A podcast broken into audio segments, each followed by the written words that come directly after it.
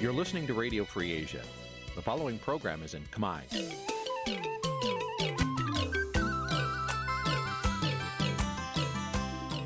នេះជាកម្មវិធីផ្សាយ Vuthu Azizi Serai នេះជាកម្មវិធីផ្សាយរបស់ Vuthu Azizi Serai ជាភាសាខ្មែរ Vuthu Azizi Serai សូមស្វាគមន៍លោកអ្នកនាងទាំងអស់ពីរដ្ឋធានី Washington នៃសហរដ្ឋអាមេរិក បាទពីរដ្ឋធានី Washington ខ្ញុំបាទចិត្តចំណានសូមជម្រាបសួរលោកអ្នកនាងអ្នកស្ដាប់ Vuthu Azizi Serai ទាំងអស់ជាទីមេត្រីយើងខ្ញុំសូមជូនកម្មវិធីផ្សាយសម្រាប់ព្រឹកថ្ងៃអាទិត្យ13កើតខែកដិកឆ្នាំខាលចត្វាស័កពុទ្ធសករាជ2566ដែលត្រូវនៅថ្ងៃទី6ខែវិច្ឆិកាគ្រិស្តសករាជ2022បាទជាដំបូងនេះសូមអញ្ជើញលោកនាងស្ដាប់ព័ត៌មានប្រចាំថ្ងៃដែលមានមេត្តាដូចតទៅ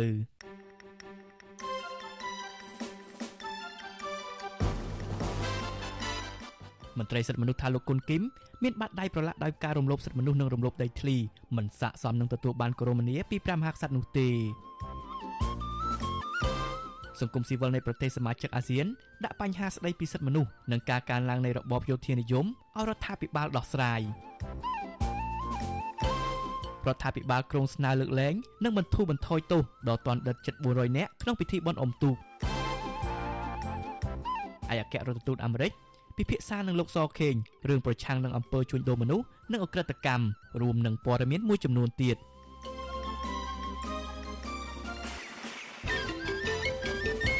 បាទជាបន្តទៅទៀតនេះខ្ញុំបាទចិត្តចំណានសូមជូនព័ត៌មានទាំងនេះពឺស្ដាមន្ត្រីសិទ្ធិមនុស្សនិងមន្ត្រីបពប្រឆាំងលើកឡើងថាលោកគុណគីមមិនស័ក្តិសមនឹងទទួលបានគោរមងារជាកតេសង្កហបណ្ឌិតត្បិតមន្ត្រីជាន់ខ្ពស់រដ្ឋាភិបាលរូបនេះជាប់ពាក់ព័ន្ធការរំលោភសិទ្ធិមនុស្សយ៉ាងធ្ងន់ធ្ងរហើយត្រូវបានអាមេរិកដាក់ទណ្ឌកម្ម ទោះជាយ៉ាងណាមន្ត្រីរដ្ឋាភិបាលអះអាងថាលោកគុណគីមបានបំពេញការងារជួយដល់ពលរដ្ឋដែលសមនឹងទទួលបានគោរមងារនេះបាទលោកទីនសាការីយ៉ារាយការណ៍ព័ត៌មាននេះគោរមងារកតេសង្ហបណ្ឌិតដែលលោកកុនគីមទទួលបាននៅពេលនេះមានន័យសាមញ្ញថា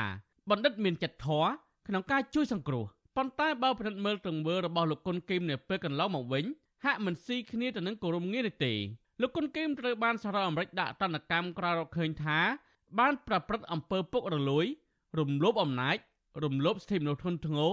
និងបណ្ដាញបរដ្ឋចេញពីនៅឋានជាដើមប្រធានអង្គការសម្ព័ន្ធភាពការពារសិទ្ធិមនុស្សកម្ពុជាហកតាច្រាក់លោករស់សុថាយល់ថា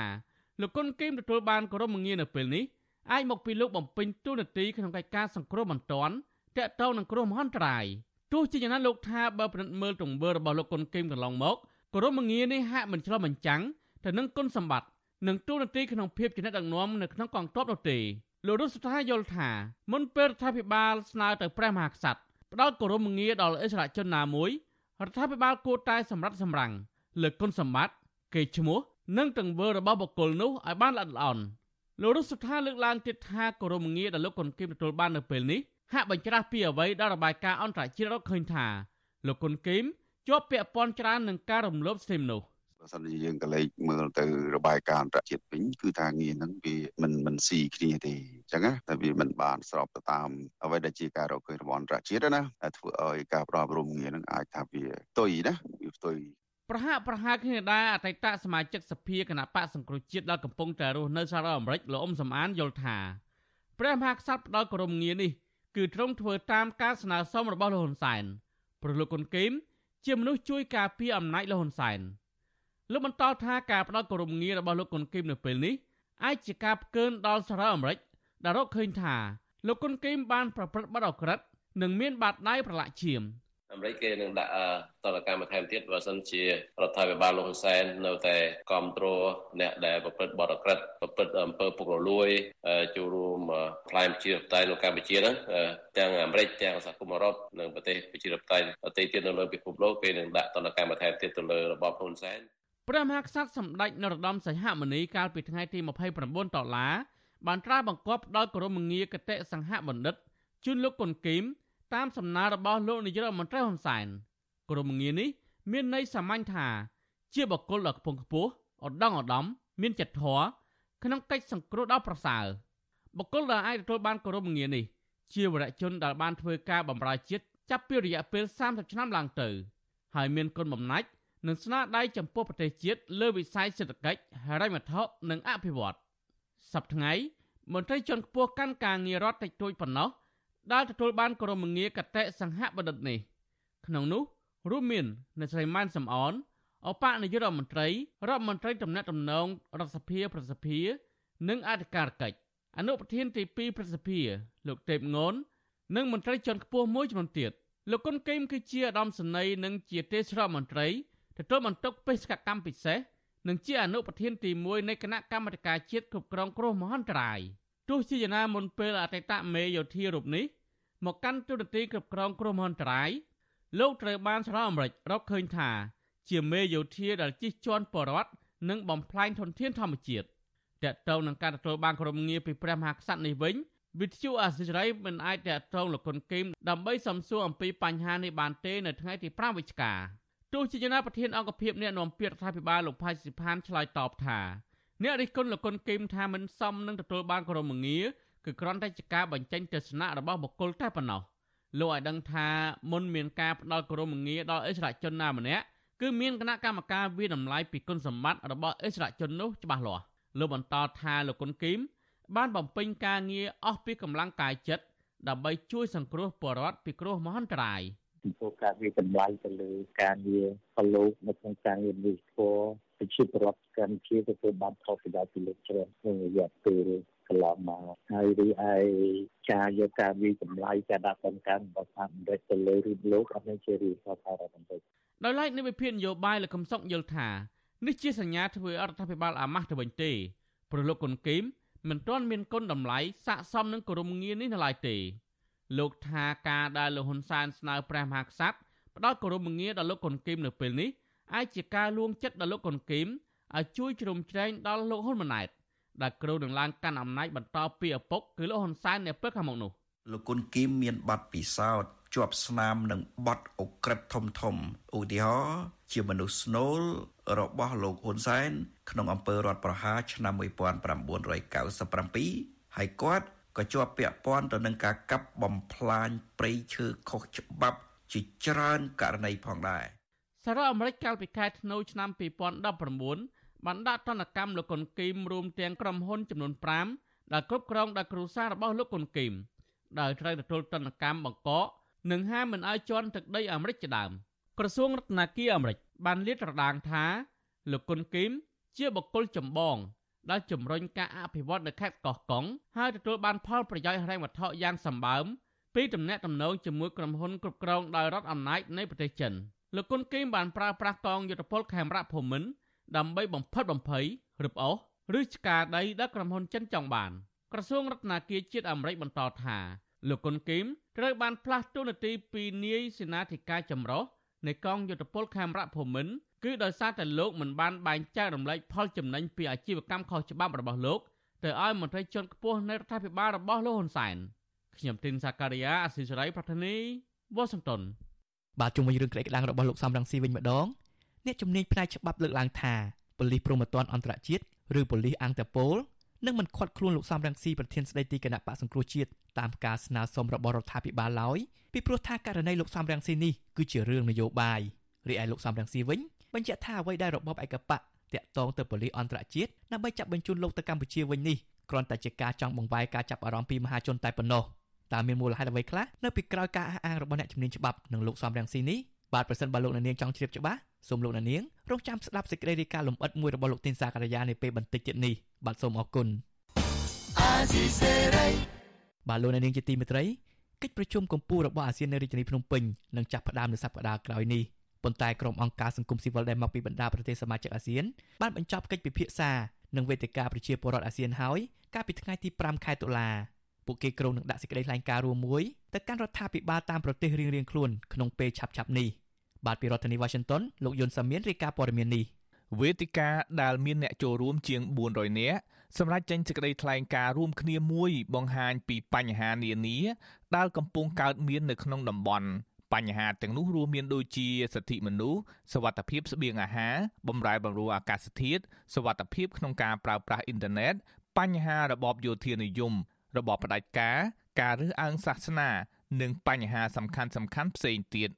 សេចក្តីថ្លែងការណ៍នេះនឹងត្រូវគេដាក់ជូនដល់រដ្ឋាភិបាល តាមប្រទេសរៀងៗខ្លួនដើម្បីបន្តពិភាក្សាក្នុងកិច្ចប្រជុំកំពូលអាស៊ាន ដែលនឹងចាប់ផ្ដើមនៅសប្តាហ៍ក្រោយ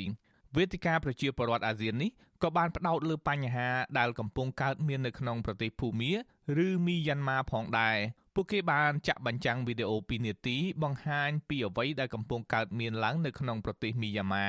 និងបានចេញសេចក្តីថ្លែងការណ៍រួមគ្នាមួយទាមទារឲ្យសមាគមប្រជាជាតិអាស៊ីអាគ្នេយ៍ហៅកាត់ថាអាស៊ាន មានវិធានការជាក់ស្ដែងដើម្បីជួយទៅដល់ប្រជាពលរដ្ឋមីយ៉ាន់ម៉ាដែលកំពុងរងទុក្ខពីការគំរាមកំហែងក្នុងរបបយោធា ប្រធានអង្គការសិលកាកញ្ញាសេងរាសីមានប្រសាសន៍ថាវេទិកានេះបានផ្ដល់ឱកាសដល់ប្រជាសហគមន៍ពីគ្រប់មជ្ឈដ្ឋាន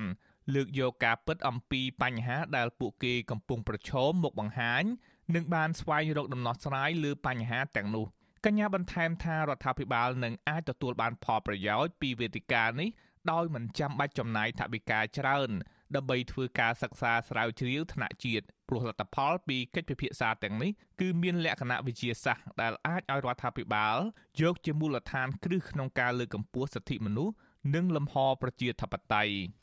សុខសុវត្ថិភាពវាផ្ដើមចេញពីខ្លួនយើងម្នាក់ម្នាក់ក្នុងការដែលយើងរួមចំណែកក្នុងការបង្កឲ្យមានសន្តិភាពនិងសុវត្ថិភាពនៅក្នុងតំបន់ក៏ប៉ុន្តែយើងក៏ត្រូវការច្បាប់និងគោលនយោបាយដែលមានភាពជាក់លាក់ដើម្បីធានាអំពីសុខសុវត្ថិភាពរបស់យើងគ្រប់គ្នានៅខាងក្នុងនឹងដែរវេទិកានេះត្រូវបានគេបិទបញ្ចប់ក្រោយពីប្រធានអង្គការសិលកាកញ្ញាសេងរាសីដែលជាប្រធានគណៈកម្មការរៀបចំកម្មវិធីវេទិកាប្រជាពលរដ្ឋអាស៊ាន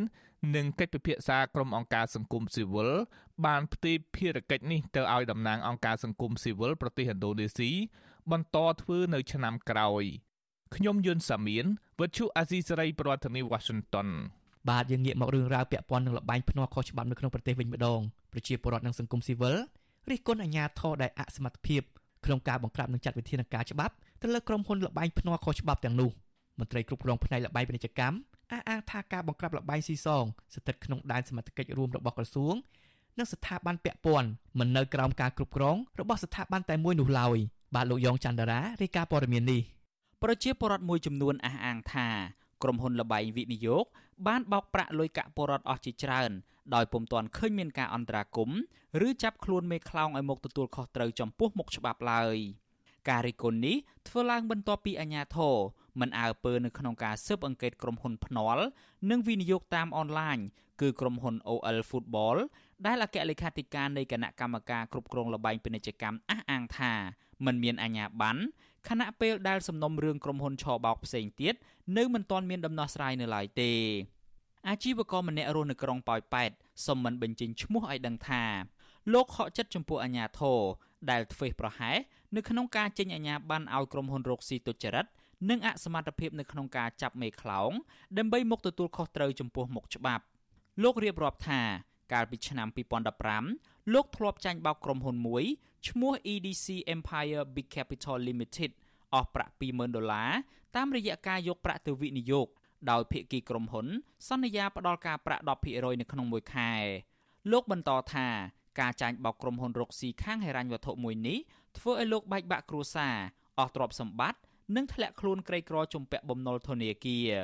ទន្ទឹមគ្នានេះលោកស្នើឲ្យប្រជាពលរដ្ឋទាំងអស់កុំវិនិយោគឬភ្នាល់ជាមួយក្រុមហ៊ុន OL Football មួយនេះពីព្រោះមានហានិភ័យនិងរងគ្រោះដោយរូបលោក វាប្រើជាខ្សែបណ្ដាញគេហ្នឹងវាមានពីក្រុមពីក្រុមគេឈរធ្វើគេថាអាប់ឡាញដឹកនាំនៅអាប់ឡាញវាគេឲ្យយើងដើរចងក្រង ជាសមាជិកតែយើងមានបងប្អូនមានអីប្រមូលគ្នាយកលុយទៅដាក់ដើម្បីយកការប្រាក់ឲ្យយើងយកប្លង់ដីទៅដាក់នឹងធនាគារគឺជំនាថាផ្ដល់មួយខែដល់ការប្រាក់10 100ដាក់100បាន10ដុល្លារដាក់1000បាន100យ៉ាងហ្នឹងណាក្រុមហ៊ុន OL Football គឺជាក្រុមហ៊ុនលបែងតាមប្រព័ន្ធអនឡាញដែលប្រើប្រាស់គម្រោងការបោកប្រាស់ Ponzi គម្រោងការនេះប្រៀបបានទៅនឹងការរកតំណាងចែកចាយអ្វីមួយ ដោយប្រើប្រាស់អតិថិជនចាស់ដើម្បីរកអតិថិជនថ្មីឲ្យបានកាន់តែច្រើន និងដាក់លុយទៅក្នុងក្រុមហ៊ុនរបស់ពួកគេពួកគេបញ្ចុះបញ្ចូលឲ្យអតិថិជនទាំងនោះដាក់លុយឲ្យកាន់តែច្រើនជាមួយអត្រាកាក់ប្រាក់ខ្ពស់ដោយអះអាងថានឹងទទួលបានប្រាក់ចំណេញទ្វេដងនៅក្នុងរយៈពេលខ្លី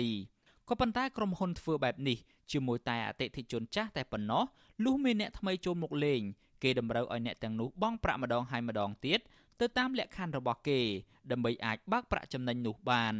លុះពេលអតិថិជនផ្ញើបានគម្រប់3ទៅ4ដងហើយក្រុមហ៊ុននឹងលែងតបសារទើបអ្នកលេងនោះដឹងថាខ្លួនកំពុងចាញ់បោកលបែងប្រភេទនេះបានបោកប្រាស់ប្រជាពលរដ្ឋខ្មែរទាំងនៅក្នុងនិងក្រៅប្រទេសអស់ជាច្រើនពាន់នាក់ដោយមានអ្នកខ្លះចាញ់បោកអស់2ទៅ30000ដុល្លារហើយខ្លះទៀតមានចំនួនច្រើនជាងនេះថែមទៀត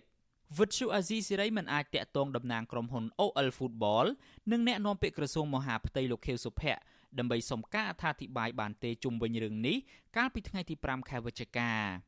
ទោះជាយ៉ាងណាអគ្គលេខាធិការនៃគណៈកម្មការគ្រប់គ្រងលបែងពាណិជ្ជកម្មកម្ពុជា លោករស់ភិរុនឲ្យវិទ្យុអាស៊ីសេរីដឹងថាក្រុមហ៊ុន OL Football មិនមានអាជ្ញាប័ណ្ណឡើយលោកបញ្ជាក់ថាការបង្ក្រាបលបែងស៊ីសង គឺត្រូវមានការសហការគ្នារវាងក្រសួងមហាផ្ទៃក្រសួងយុតិធធ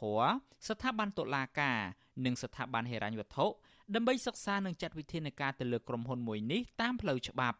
លោករស់ភិរិនឲ្យដឹងទៀតថាកន្លងមកក្រុមហ៊ុន OL Football នេះធ្លាប់បានប្រើប្រាស់ឯកសារคล้ายៗបន្លំបោកប្រាស់ ដោយអះអាងថាខ្លួនទទួលបានសិទ្ធិធ្វើអាជីវកម្មព្រមទាំងបានយកឈ្មោះក្រសួងការបរទេសនិងក្រសួងសេដ្ឋកិច្ចជាខ្នងបង្អែកដែលធ្វើឲ្យសាធារណជនមានការភ័ន្តច្រឡំថែមទៀតផងពីមុនហ្នឹងគឺគាត់យកឈ្មោះយើងថាគាត់សុំចុះអាជ្ញាប័ណ្ណយកអីនៅកន្លែងយើងត្រឹមត្រូវហើយយកដាក់ទាំងរូបថតខ្ញុំទៀតណាខ្ញុំថាអត់ដែរផងអត់ដែរស្គាល់គាត់ផងហើយអត់មានអាជ្ញាប័ណ្ណមានអីផងដល់អញ្ចឹងគាត់សំភ្លេចពីរឿងហ្នឹងទៅទៅរឿងអីមួយទៀតទៅ តែកតិនទៅនឹងរឿងនេះប្រធានសមាគមនិស្សិតបញ្ញវន្តខ្មែរលោកកើតសារាយយល់ឃើញថាក្រសួងស្ថាប័នពាក់ព័ន្ធនៅមានភាពខ្វះចន្លោះនិងអសមត្ថភាពបង្ក្រាបលបែងស៊ីសងខុសច្បាប់ទាំងនេះលោកបន្តថាគណៈលបែងស៊ីសងខុសច្បាប់ទាំងនោះកំពុងពង្វក់និងបោកប្រាស់លុយកាក់របស់ប្រជាពលរដ្ឋខ្មែរអស់រាប់ម៉ឺនរាប់សែនដុល្លារនោះអាជ្ញាធរទាំងថ្នាក់ជាតិនិងថ្នាក់ក្រោមជាតិបែរជារុញការងារឲ្យគ្នាទៅវិញទៅមក និងដោះសាររៀងរៀងខ្លួនដោយគ្មានចំណាត់ការអ្វីសោះ លោកកើតសរាយថ្លែងទៀតថាស្របពេលប្រជាពលរដ្ឋកម្ពុជាភាគច្រើននៅមិនទាន់មានចំណេះដឹងទូលំទូលាយផ្នែកសុវត្ថិភាព Digital រដ្ឋាភិបាល ជាពិសេសក្រសួងមានសមត្ថកិច្ចត្រូវចាត់វិធានការជាដាច់ខាតទៅលើអាជីវកម្មលបែងអនឡាញខុសច្បាប់គ្រប់ប្រភេទជាពិសេសទៅលើក្រុមហ៊ុន OL Football ដែលកំពុងធ្វើសកម្មភាពបោកប្រាស់យ៉ាងសកម្ម បើស្ទិនជាមានរឿងម្នាក់ម្នាក់ព្យាយាមយកលេសដើម្បីរួចខ្លួនហើយបន្ទោសដាក់នេះនេះនោះខ្ញុំគិតថាវាអត់មានស្អីចំណេញទេជាជាងដែលព្យាយាមជួខ្លួនមកទទួលខុសត្រូវហើយស្វែងរកដំណោះស្រាយជូនពលរដ្ឋអានឹងទៅជាមធ្យោបាយល្អហើយក៏ជាគំរូភាពសម្រាប់ស្ថាប័នក្រសួងផ្សេងផ្សេងទៀតដើម្បីឲ្យធ្វើឲ្យកិច្ចការងារនេះមានប្រសិទ្ធភាពដែរបាទប្រជាពលរដ្ឋដែលជាជនរងគ្រោះនៃការឆបោកទាំងនោះលើកឡើងថា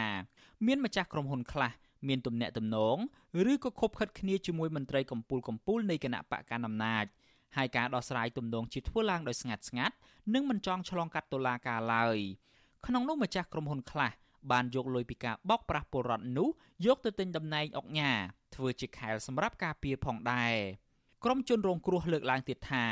ពួកគាត់បានយកលុយដែលខំសន្សំស្ទើរពេញមួយជីវិតនិងអ្នកខ្លះទៀតបានខ្ចីបំណុលធនាគារដើម្បីយកទៅដាក់វិនិយោគជាមួយក្រុមហ៊ុន ពីព្រោះតែពួកគាត់សម្លឹងឃើញថាម្ចាស់ក្រុមហ៊ុនគឺជាកូនចៅសាច់ញាតិរបស់ថ្នាក់ដឹកនាំកម្ពុជាកម្ពុជានិងមានចុះអាជ្ញាប័ណ្ណត្រឹមត្រូវនៅនាយកតកមូលបត្រកម្ពុជា ជាក្រុមហ៊ុនស្របច្បាប់100%ដោយមិននឹកស្មានថាមានរឿងបែបនេះកើតឡើងឡើយពួកគាត់បញ្ជាក់ថាបើទោះបីជាទទួលបានដំណោះស្រាយក៏ដោយក៏ពួកគាត់រៀងចាលមួយជីវិតលើវិស័យវិនិយោគបែបនេះនៅកម្ពុជា ខ្ញុំយ៉ងច័ន្ទដារាវិទ្យុអាស៊ីសេរីរាយការណ៍ពីរដ្ឋធានី Washington បាទលោកនាងជាទីមេត្រីអង្គការពលរដ្ឋយើងកំពុងចាប់ផ្ដើមប្រតិបត្តិការនិងបេសកកម្មរបស់ខ្លួនជួយសង្គមជាតិបន្ទាប់ពីបានចុះឈ្មោះជាផ្លូវការនៅក្រសួងមហាផ្ទៃអង្គការនេះបង្កើតឡើងដើម្បីលើកស្ទួយប្រជាធិបតេយ្យការពារធនធានធម្មជាតិជាពិសេសលើកកម្ពស់វិស័យកសិកម្មតាមរយៈការផ្សព្វផ្សាយចំណេះដឹងថ្មីៗដល់កសិករតើអង្គការនេះនឹងផ្ដល់ផលប្រយោជន៍អ្វីខ្លះដល់លោកអ្នកនាង បាទសូមអញ្ជើញលោកអ្នកនាងរងចាំស្ដាប់សេចក្តីរាយការណ៍លម្អិតមួយជុំវិញរឿងនេះនៅពេលបន្តិចទៀតនេះ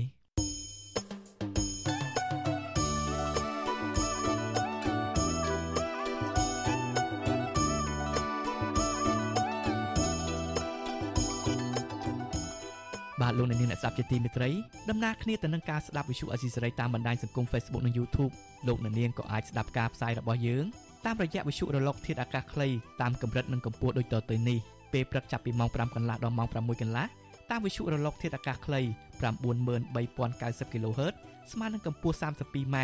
និង11850 kHz ស្មើនឹងកម្ពស់ 25m ពេលយប់ចាប់ពីម៉ោង7កន្លះដល់ម៉ោង8កន្លះតាមរយៈវិទ្យុរលកធាតុអាកាសខ្លី9390 kHz ស្មើនឹងកម្ពស់ 32m 15155 kHz ស្មើនឹងកម្ពស់ 20m និង11885 kHz ស្មើនឹងកម្ពស់ 20m បាទសូមអរគុណ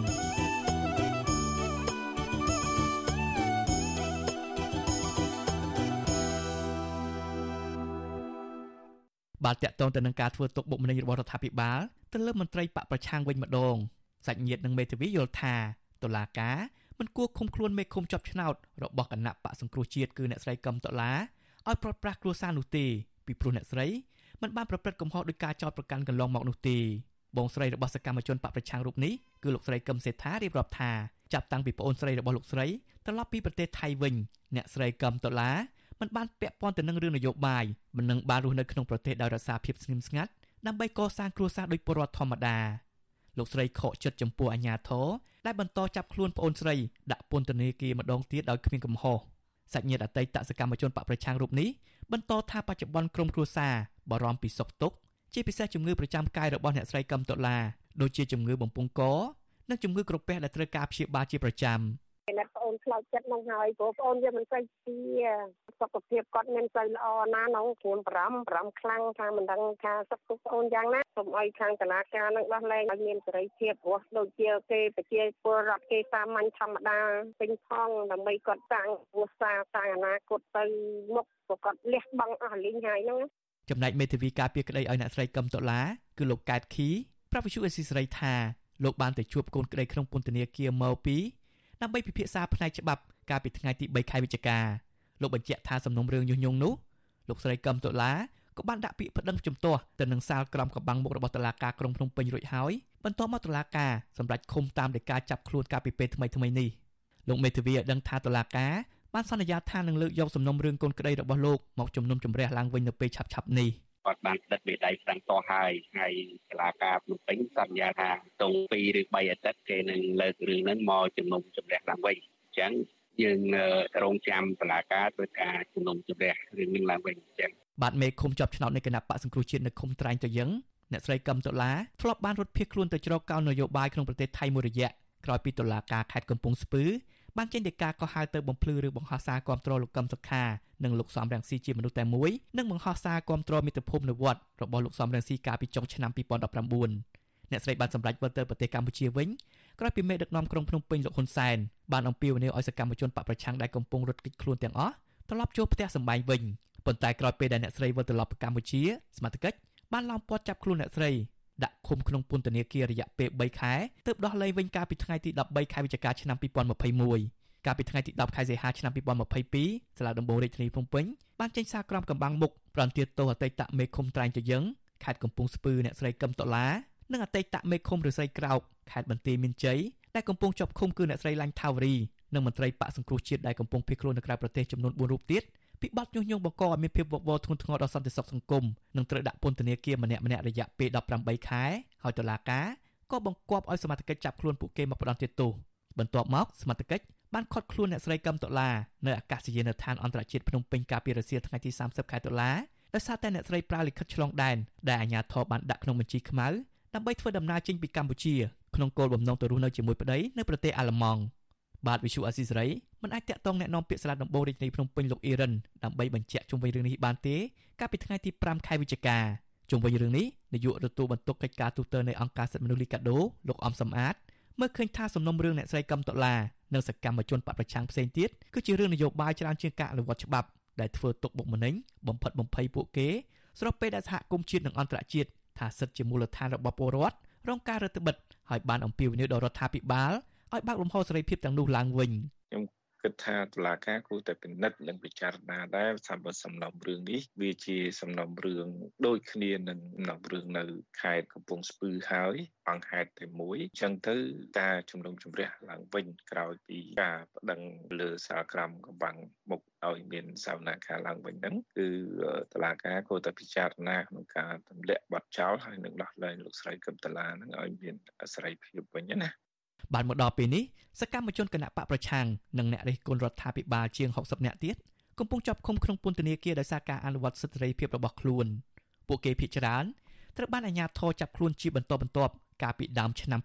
2020តុលាការបានចោទប្រកាន់ពួកគេដូចដូចគ្នាពីបទរួមគំនិតក្បត់ញុះញង់ឲ្យយោធិនមិនស្ដាប់បង្គាប់ញុះញង់ឲ្យប្រព្រឹត្តបទអក្រិតជាអាតនិងញុះញង់ឲ្យមានភាពវឹកវរធ្ងន់ធ្ងរដល់សន្តិសុខសង្គមជាដើមប៉ុន្តែក្រុមអង្គការជាតិអន្តរជាតិ រួមទាំងក្រុមប្រទេសប្រជាធិបតេយ្យធំធំតែងតែថ្កោលទោសជាបន្តបន្ទាប់ថាការចាប់ខ្លួនទាំងនោះគឺជារឿងនយោបាយ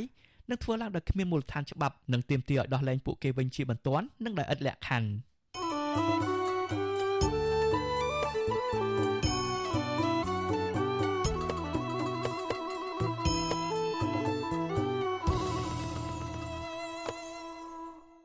បាទជុំវិញរឿងរ៉ាវនៃការជួញដូរមនុស្សវិញម្ដងលោកសខេងរដ្ឋមន្ត្រីក្រសួងមហាផ្ទៃ ជួបនឹងអគ្គរដ្ឋទូតសហរដ្ឋអាមេរិកប្រចាំនៅកម្ពុជាលោក Patrick Murphy ជជែករឿងប្រយុទ្ធប្រឆាំងនឹងអក្រិតកម្មជួញដូរមនុស្សនៅកម្ពុជាមន្ត្រីសង្គមស៊ីវិលយល់ថាកម្ពុជាមិនទាន់មានវិធានការទប់ស្កាត់អក្រិតកម្មជួញដូរមនុស្សឲ្យមានប្រសិទ្ធភាពនៅឡើយទេបាទលោកយុនសាមៀនមានសេចក្តីរាយការណ៍មួយទៀតអំពីរឿងនេះ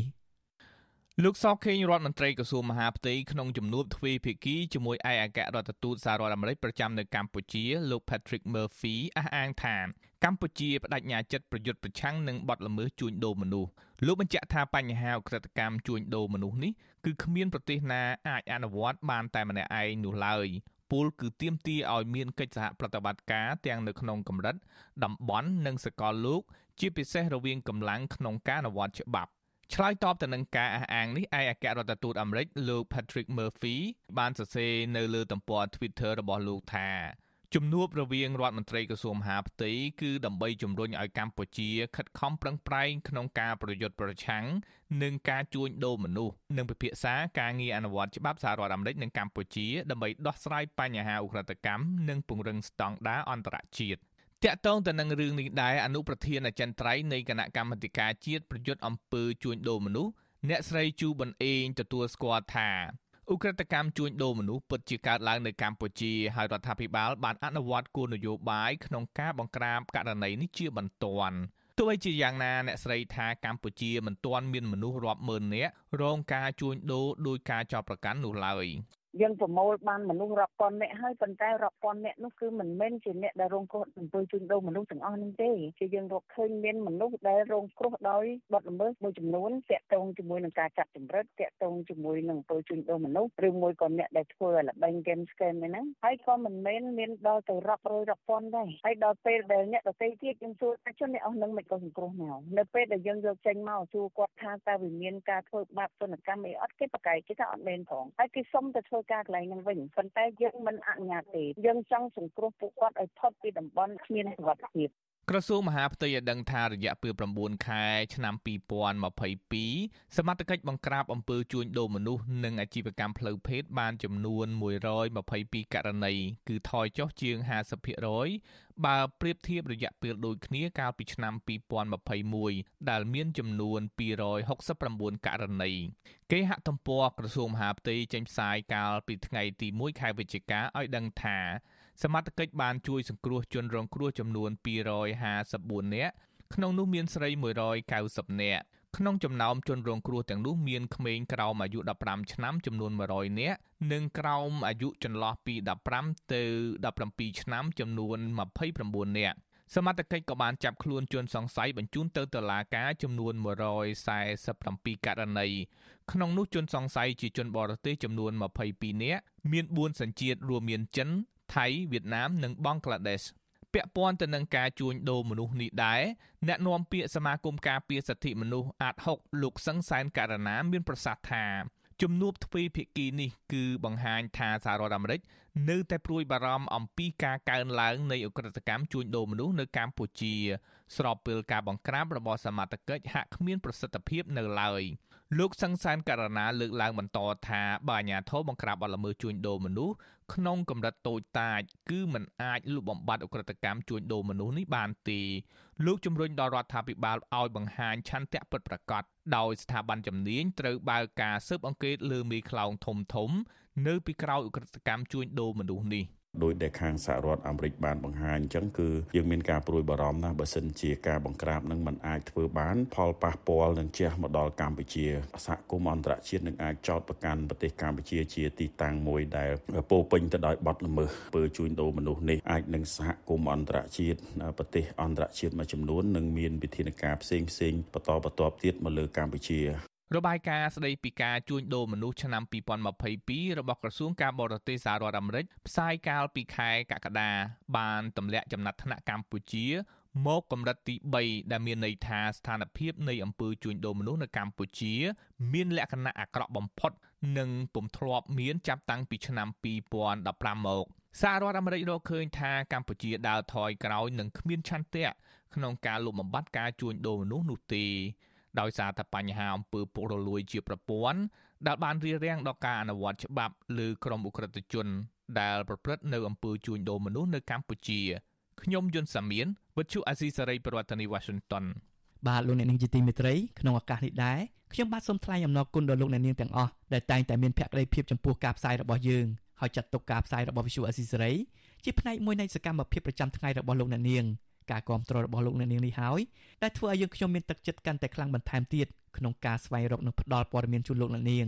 មានអ្នកស្ដាប់អ្នកទស្សនាកាន់តែច្រើនកាន់តែធ្វើឲ្យយើងខ្ញុំមានភាពស្វាហាប់មោះមុតជាបន្តទៅទៀតយើងខ្ញុំសូមអរគុណទុកជាមុនហើយសូមអញ្ជើញលោកអ្នកនាងកញ្ញាចូលរួមជំរុញឲ្យសកម្មភាពផ្តល់ព័ត៌មានរបស់យើងនេះកាន់តែជោគជ័យបន្ថែមទៀតលោកអ្នកនាងអាចជួយយើងខ្ញុំបានដោយគ្រាន់តែចុចចែករំលែកឬ share ការផ្សាយរបស់យើងទៅលើបណ្ដាញសង្គម Facebook និង YouTube ទៅកាន់មិត្តភ័ក្តិ ដើម្បីឲ្យការផ្សាយរបស់យើងបានទៅដល់មនុស្សកាន់តែច្រើន បាទសូមអរគុណ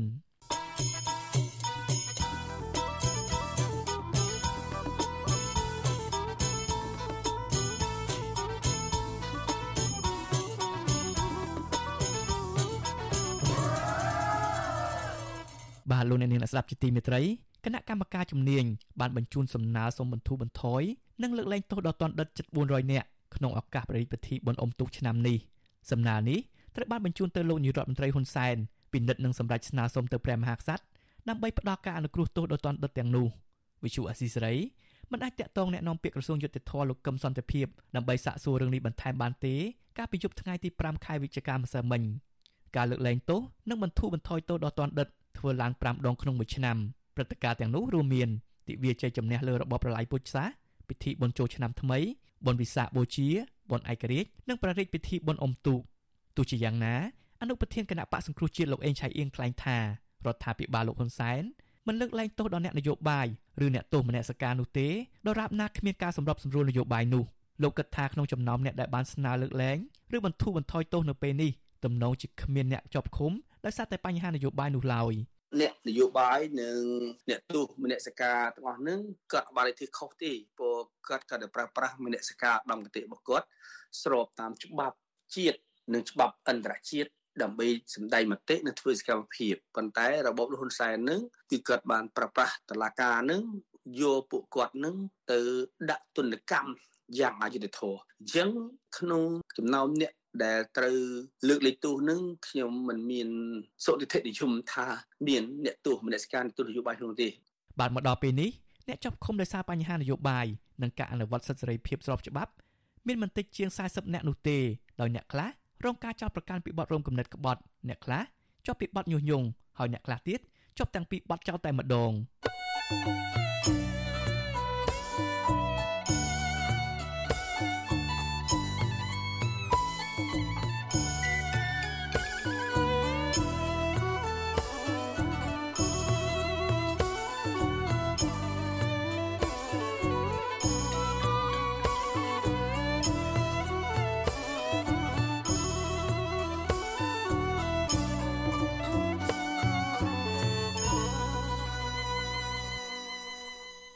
បាទយើងងាកទៅមើលការរស់នៅរបស់ពលរដ្ឋខ្មែរក្រោមនៅប្រទេសថៃឯនោះវិញសាច់ញាតិរបស់ជនភៀសខ្លួនខ្មែរក្រោមដែលកំពុងជាប់ឃុំទាំង10នាក់នៅប្រទេសថៃរងចាំឲ្យមានការដោះលែងសមាជិកគ្រួសាររបស់ពួកគាត់ព្រោះអង្គការនានានិងការិយាល័យអង្គការសហប្រជាជាតិនៅទីក្រុងបាងកកថានឹងជួយរកដំណោះស្រាយឲ្យពលរដ្ឋខ្មែរក្រោមទាំង10នាក់ឲ្យមានសេរីភាពឡើងវិញ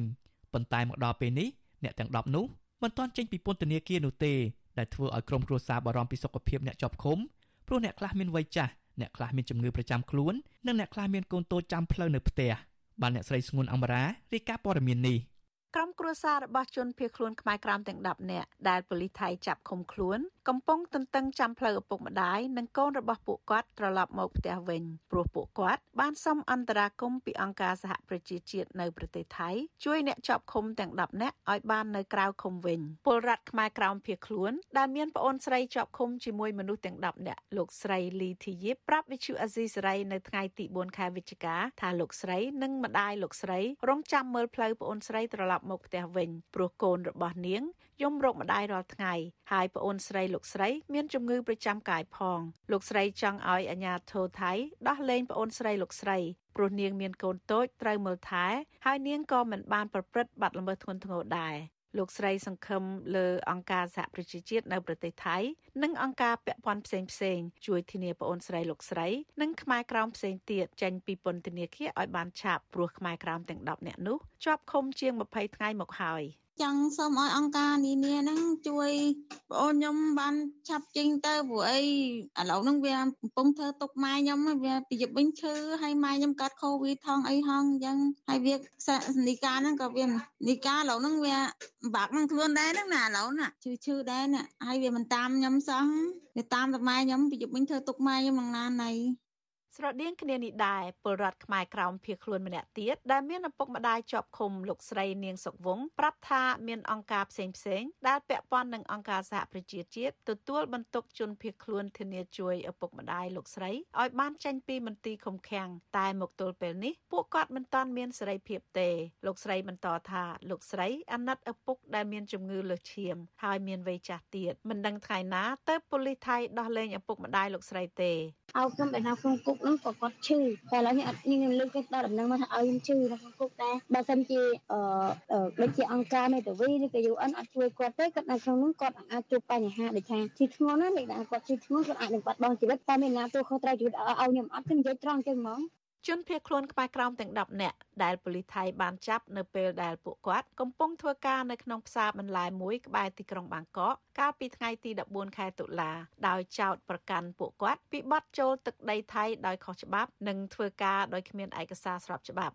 តែក្រុមគ្រួសាររបស់ពួកគាត់អះអាងថាពួកគាត់ មិនបានទៅធ្វើការប្រចាំនោះទេគ្រាន់តែជួយធ្វើការគេពី3ម៉ោងហើយគេឲ្យប្រាក់តិចតួចគ្រាន់នឹងចិញ្ចឹមជីវិតបច្ចុប្បន្នខ្មែរក្រមទាំង10នាក់កំពុងជាប់ពន្ធនាគារនៅស្នងការដ្ឋាននគរបាលអន្តរប្រវេសន៍ទីក្រុងបាងកកជុំវិញរឿងនេះដែរប្រធានសមាគមភៀសខ្លួនខ្មែរក្រោមនៅប្រទេសថៃលោកលឹមកៅសំណាងឲ្យដឹងថាក្រុមគ្រួសាររបស់អ្នកជាប់ឃុំទាំង10នាក់កំពុងបារម្ភពីសុខទុក្ខអ្នកនៅក្នុងគុកហើយពួកគេចង់ឲ្យអាជ្ញាធរថៃដោះលែងអ្នកជាប់ឃុំទាំង10នាក់នោះលោកបន្តថាលោកតំណាងឲ្យខ្មែរក្រោមភៀសខ្លួនជាង200នាក់ក៏បានស្នើទៅអង្គការសហប្រជាជាតិអន្តរាគមន៍ទៅរដ្ឋាភិបាលថៃមេត្តាដោះលែងខ្មែរក្រោមទាំង10នាក់ឲ្យបានវិលមកជួបជុំគ្រួសារវិញព្រោះអ្នកខ្លះមានជំងឺប្រចាំកាយអ្នកខ្លះមានវ័យចំណាស់និងអ្នកខ្លះមានកូនតូចកំពុងត្រូវការម្ដាយមើលថែ អានឹងយើងមានតែស្នើទៅដល់អង្គការដែលអាចជួយគាត់បានណាធ្វើម៉េចឲ្យជួយគាត់ចេញមកក្រៅឃុំពីព្រោះគាត់នៅក្នុងគុកពិបាកណាពិបាកទាំងអ្នកជាប់ក្នុងគុកផងពិបាករួយបារម្ភទាំងអ្នកនៅក្នុងក្រៅផងមានការរួយបារម្ភមានការខ្វះខាតស្ថានភាពមានការខ្វះខាតណាពេលដែលគាត់ហូបចុកយ៉ាងណាក្នុងគុកហើយគាត់ចាស់ចាស់ទៀតចាប់ពី60ឡើងទៅទៀតចាស់ចាស់3 4 5នាក់ណា10ឆ្នាំឡើងទៅអានឹងវាការពិបាកណានៅសុខភាពរបស់គាត់ហើយនឹងការនៅក្នុងគុកតែថាក្នុងគុកមួយម៉ាត់ហ្នឹងវាមិនស្រួលដូចយើងគិតទេគ្រូរបាយការណ៍របស់សមាគមភៀសខ្លួនខ្មែរក្រោមប្រចាំប្រទេសថៃឲ្យដឹងថាមានខ្មែរក្រោមដែលភៀសខ្លួនមកពីដែនដីកម្ពុជាក្រោមកំពុងរស់នៅក្នុងឋានៈជាជនភៀសខ្លួននៅក្នុងប្រទេសថៃមានចំនួនជាង200នាក់ហើយពួកគាត់សុទ្ធតែរត់គេចពីការធ្វើទុកបុកម្នេញរបស់អាជ្ញាធរវៀតណាមហើយអ្នកខ្លះវៀតណាមរឹបអូសដីធ្លីអ្នកខ្លះវៀតណាមរដ្ឋបတ်ការបញ្ចេញមតិអ្នកខ្លះវៀតណាមគៀបសង្កត់ផ្នែកសាសនាវប្បធម៌ជាដើម នាងខ្ញុំស្ងួនអមរា Vithu Azisari ពីរដ្ឋធានី Washington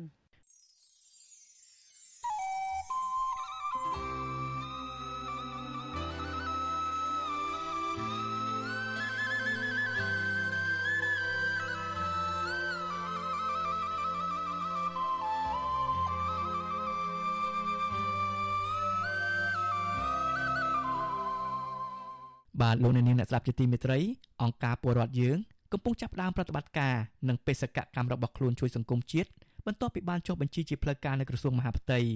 អង្គការនេះបង្កើតឡើងដើម្បីលើកស្ទួយប្រជាធិបតេយ្យការពារធនធានធម្មជាតិជាពិសេសលើកកម្ពស់វិស័យកសិកម្មតាមរយៈការផ្សព្វផ្សាយចំណេះដឹងថ្មីៗដល់កសិករ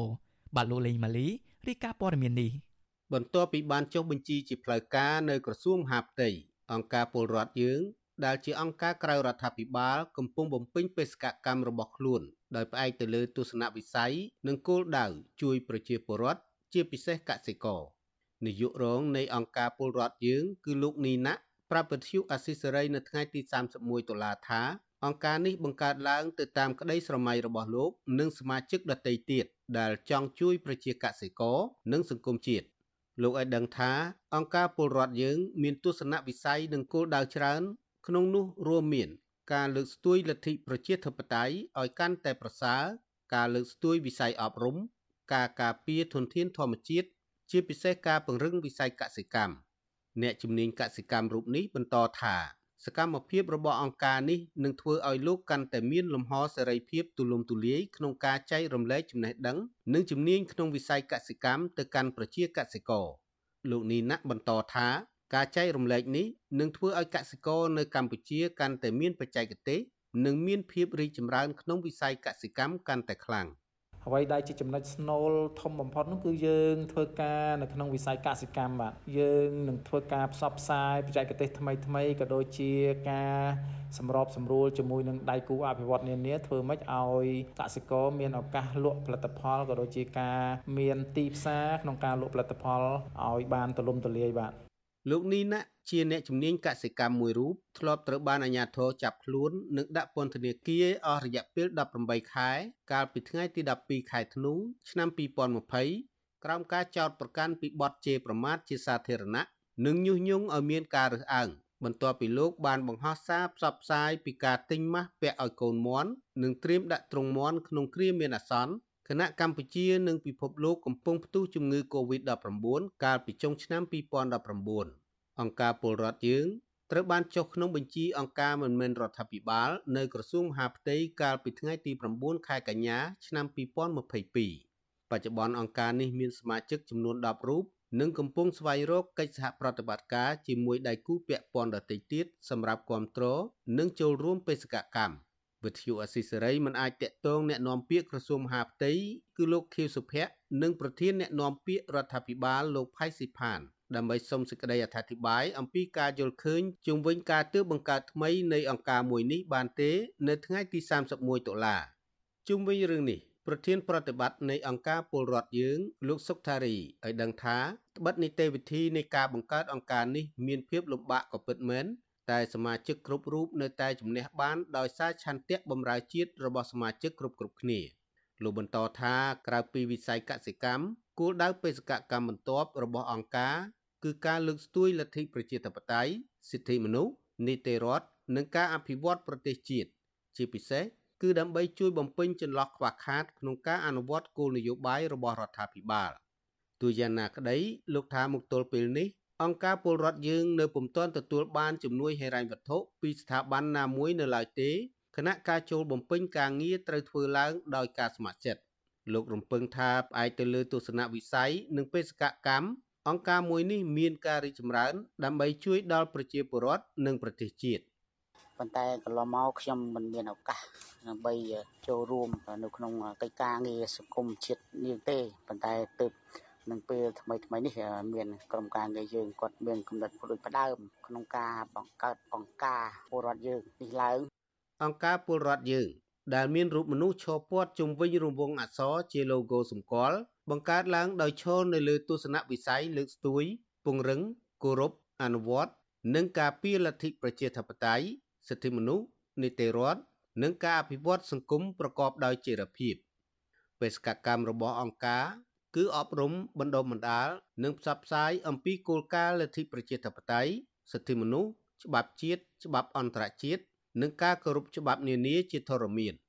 ជាមួយគ្នានេះក៏មានការចូលរួមលើកកម្ពស់ការថែរក្សាបរិស្ថាន និងការពារធនធានធម្មជាតិព្រមទាំងការបង្រៀនពីបច្ចេកទេសកសិកម្មនិងបង្កើតទីផ្សារសហគមន៍កសិផល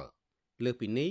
នៅមានការលើកស្ទួយនិងពង្រឹងវិស័យអប់រំ ពង្រឹងអំណាចនៅទូទាំងប្រទេសផងដែរ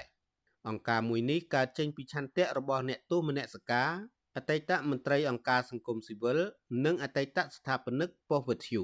ពួកគាត់ប្រមូលផ្ដុំចងក្រង និងបំពេញបេសកកម្មទៅតាមជំនាញរៀងៗខ្លួន ក្នុងគោលដៅតែមួយគឺជួយប្រជាពលរដ្ឋនិងប្រទេសជាតិអង្គការមិនមែនរដ្ឋាភិបាលទាំងក្នុងស្រុកនិងអន្តរជាតិ បានដើរតួយ៉ាងសំខាន់នៅក្នុងការរៀបចំនិងការអភិវឌ្ឍឡើងវិញនៅក្នុងប្រទេសកម្ពុជា ដោយផ្អែកទៅលើកិច្ចព្រមព្រៀងសន្តិភាពទីក្រុងប៉ារីឆ្នាំ1991និងរដ្ឋធម្មនុញ្ញរដ្ឋធម្មនុញ្ញនៃព្រះរាជាណាចក្រកម្ពុជាទទួលស្គាល់សិទ្ធិពលរដ្ឋនិងសិទ្ធិសង្គមស៊ីវិលតាមរយៈមាត្រា35ចែងថាផ្ដល់សិទ្ធិដល់ប្រជាពលរដ្ឋដើម្បីចូលរួមយ៉ាងសកម្មនៅក្នុងជីវភាពនយោបាយសេដ្ឋកិច្ចសង្គមនិងវប្បធម៌របស់ប្រទេសជាតិ មាត្រា41និយាយអំពីសេរីភាពក្នុងការបញ្ចេញមតិសេរីភាពខាងសារព័ត៌មាន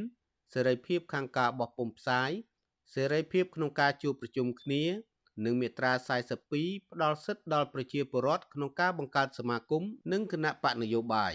ប្រជាពលរដ្ឋខ្មែរទាំងឡាយអាចចូលរួមក្នុងអង្គការមហាជន ជួយគ្នាទៅវិញទៅមកការពារសមិទ្ធផលជាតិនិងសន្តិភាពសង្គម ក្រោយការរំលាយគណៈបកសង្គ្រោះជាតិកាលពីចុងឆ្នាំ2017រដ្ឋាភិបាលលោកនាយករដ្ឋមន្ត្រីហ៊ុនសែនបានបើកយុទ្ធនាការជាប្រព័ន្ធធ្វើទុកបុកម្នេញទៅលើក្រុមអង្គការសង្គមស៊ីវិលដែលធ្វើការពាក់ព័ន្ធនឹងវិស័យសិទ្ធិមនុស្សប្រជាធិបតេយ្យនិងប្រព័ន្ធផ្សព្វផ្សាយនៅកម្ពុជា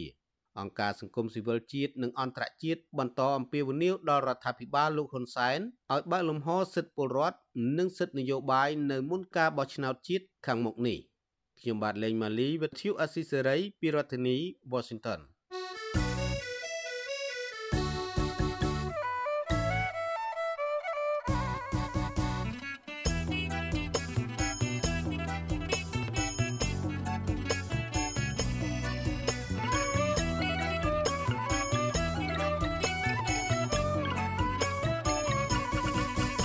បាទជុំវិញរឿងក្តីក្តាំងរបស់លោកសំរងស៊ីវិញម្ដងអ្នកជំនាញច្បាប់លើកឡើងថា ប៉ូលីសព្រំប្រទានអន្តរជាតិ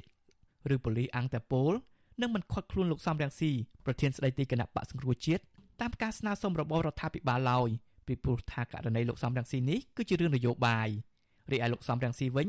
បញ្ជាក់ថាអ្វីដែលរបបឯកបកតាក់ទងទៅប៉ូលីសអន្តរជាតិដើម្បីចាប់បញ្ជូនលោកទៅកម្ពុជាវិញនេះគ្រាន់តែជាការបង្វែរការចាប់អារម្មណ៍ពីមហាជនតែប៉ុណ្ណោះបាទពីរដ្ឋធានី Washington លោកទីនសាការីយ៉ាមានសេចក្តីរាយការណ៍លម្អិតមួយអំពីរឿងនេះ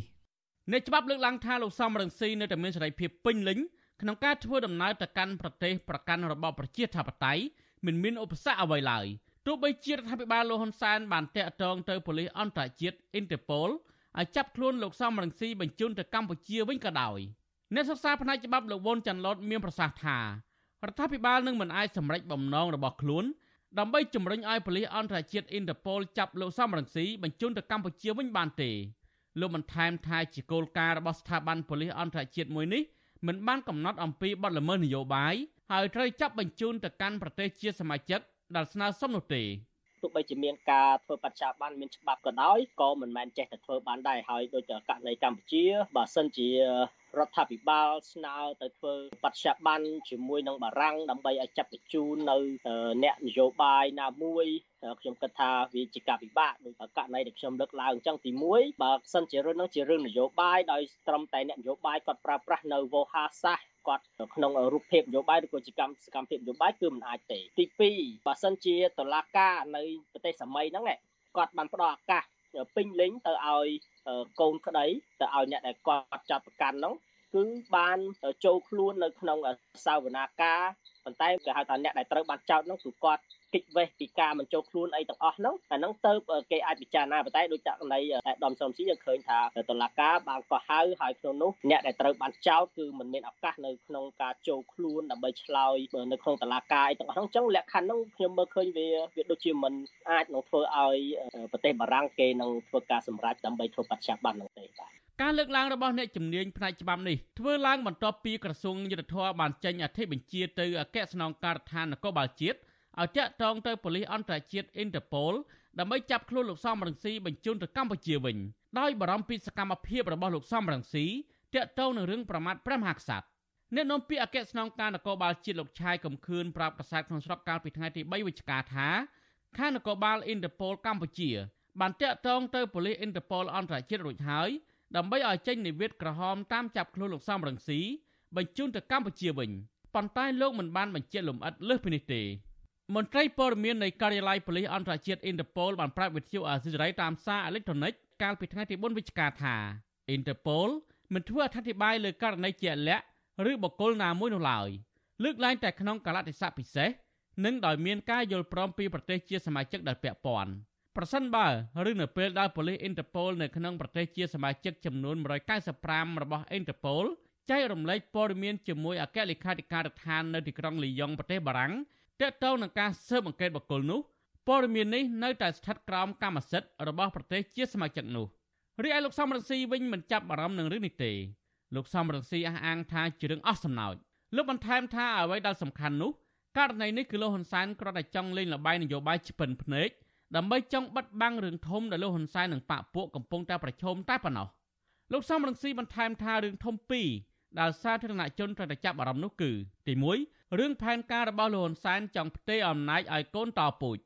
និងរឿងទី2គឺតុលាការបារាំងនឹងបើកសវនកម្មជំនុំជម្រះក្តីលោកហ៊ុនសែននិងអង្គរៈពីររូបទៀតលោកហ៊ីមុនហៀងនិងលោកហ៊ុយពិសិដ្ឋនៅឆ្នាំ2023ខាងមុខនេះក្នុងសំណុំរឿងគប់ក្របបែកលើក្រុមបាតកោកាលពីឆ្នាំ1597ធ្វើឲ្យមនុស្សរាប់សិបនាក់ស្លាប់តឡាការបារាំងគេអត់លេងសើចទេគេស៊ើបអង្កេតជាង20ឆ្នាំ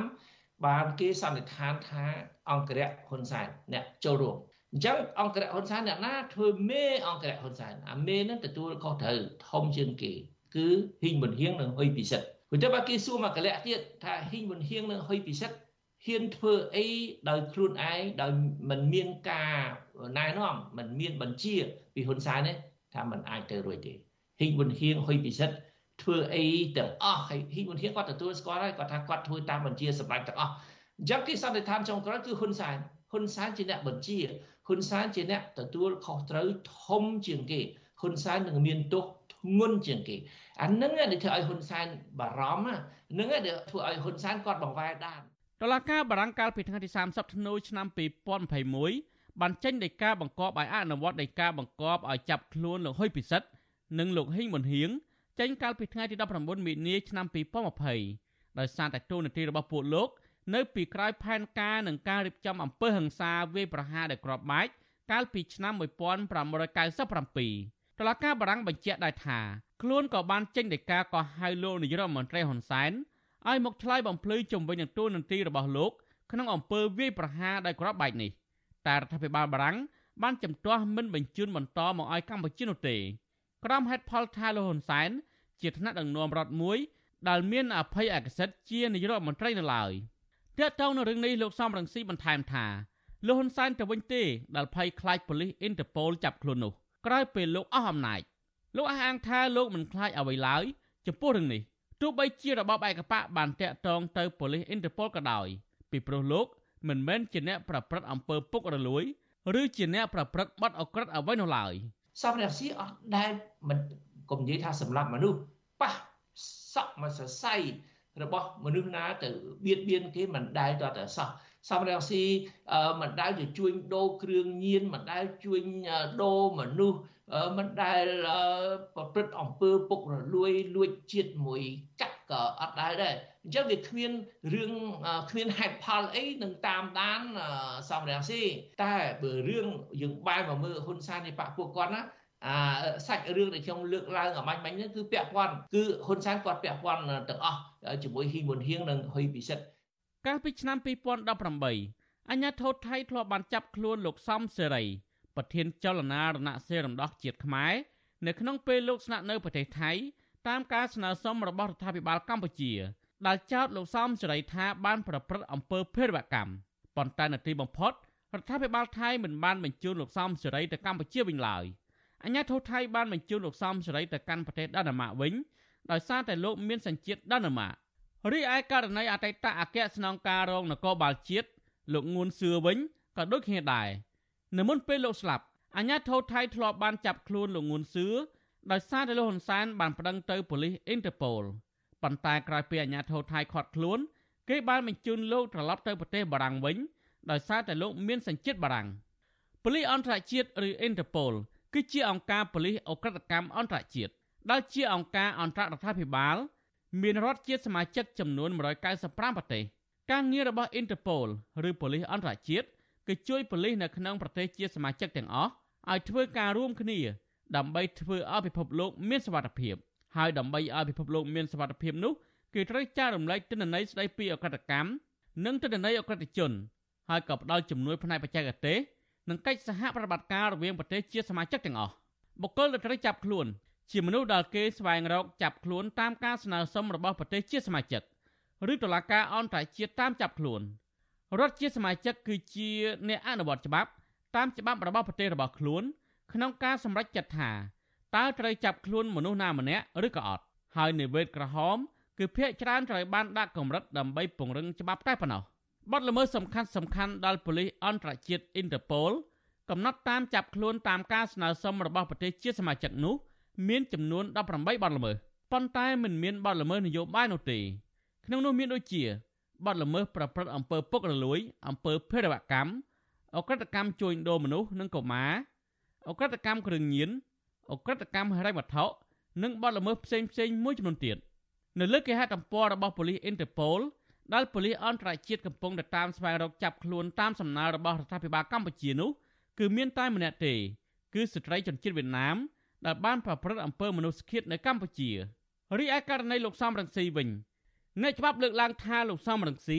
មិនមែនជាជនល្មើសប្រព្រឹត្តបទអក្រិត ឬប្រព្រឹត្តអំពើពុករលួយអ្វីនោះឡើយ ផ្ទុយទៅវិញលោកជាអ្នករងគ្រោះនយោបាយដោយសារតែតឡាការរបបឯកបកមិនអាយក្រិចហើយកាត់ទោសលោកជាច្រើនករណីក្នុងនោះក៏បានកាត់ទោសលោកអស់មួយជីវិតផងដែរអ្នកច្បាប់លើកឡើងថាប៉ូលីសអន្តរជាតិនឹងមិនចាប់ខ្លួនលោកសំរងស៊ី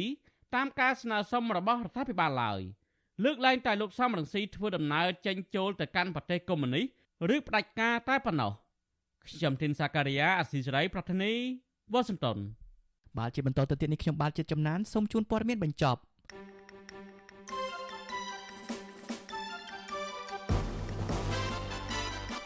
មន្ត្រីសិទ្ធិមនុស្សនិងមន្ត្រីបពប្រឆាំងលើកឡើងថាលោកគុនគីមមិនស័ក្តិសមនឹងទទួលបានក្រុមងារជាគតិសង្កាហបណ្ឌិតឡើយត្បិតមន្ត្រីជាន់ខ្ពស់រដ្ឋាភិបាលរូបនេះជាប់ពាក់ព័ន្ធការរំលោភសិទ្ធិមនុស្សយ៉ាងធ្ងន់ធ្ងរនិងត្រូវអាមេរិកដាក់ទណ្ឌកម្មទោះជាយ៉ាងណាមន្ត្រីរដ្ឋាភិបាលអះអាងថាលោកគុនគីមបានបំពេញការងារជួយដល់ពលរដ្ឋសមនឹងទទួលបានក្រុមងារនេះ ប្រជាពលរដ្ឋនិងមន្ត្រីសង្គមស៊ីវិលរិះគន់អាជ្ញាធរដែលអសមត្ថភាពលើការបង្ក្រាបនិងចាត់វិធានការច្បាប់ទៅលើក្រុមហ៊ុនលបែងភ្នាល់ខុសច្បាប់មន្ត្រីគ្រប់គ្រងផ្នែកពាណិជ្ជកម្មអះអាងថាការបង្ក្រាបលបែងស៊ីសងស្ថិតក្នុងដែនសមត្ថកិច្ចរួមរបស់ក្រសួងនិងស្ថាប័នពាក់ព័ន្ធមិននៅក្រោមការគ្រប់គ្រងរបស់ស្ថាប័នណាមួយឡើយលោកសកេរដ្ឋមន្ត្រីក្រសួងមហាផ្ទៃជួបនឹងឯកអគ្គរដ្ឋទូតអាមេរិកប្រចាំកម្ពុជាលោក Patrick Murphy ជជែករឿងប្រយុទ្ធប្រឆាំងនឹងអក្រិតកម្មជួញដូរមនុស្សនៅកម្ពុជាមន្ត្រីសង្គមស៊ីវិលយល់ថាកម្ពុជា មិនទាន់មានវិធានការទប់ស្កាត់អក្រិតកម្មជួញដូរមនុស្សឲ្យមានប្រសិទ្ធភាពនៅឡើយ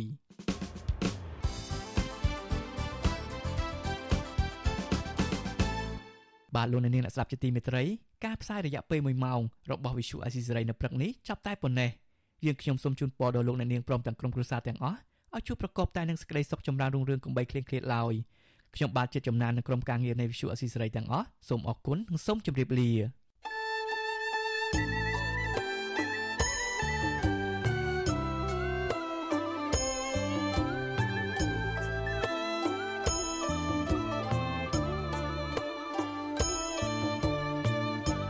វិទ្យុអាស៊ីសេរីផ្សាយតាមរលក ធារកាសខ្លីឬ shortwave តាមកម្រិតនិងកម្ពស់ដូចតទៅនេះពេលព្រឹកចាប់ពីម៉ោង5កន្លះដល់ម៉ោង6កន្លះតាមរយៈរលក ធារកាសខ្លី9390 kHz ស្មើនឹងកម្ពស់ 32m និង11850 kHz ស្មើនឹងកម្ពស់ 25m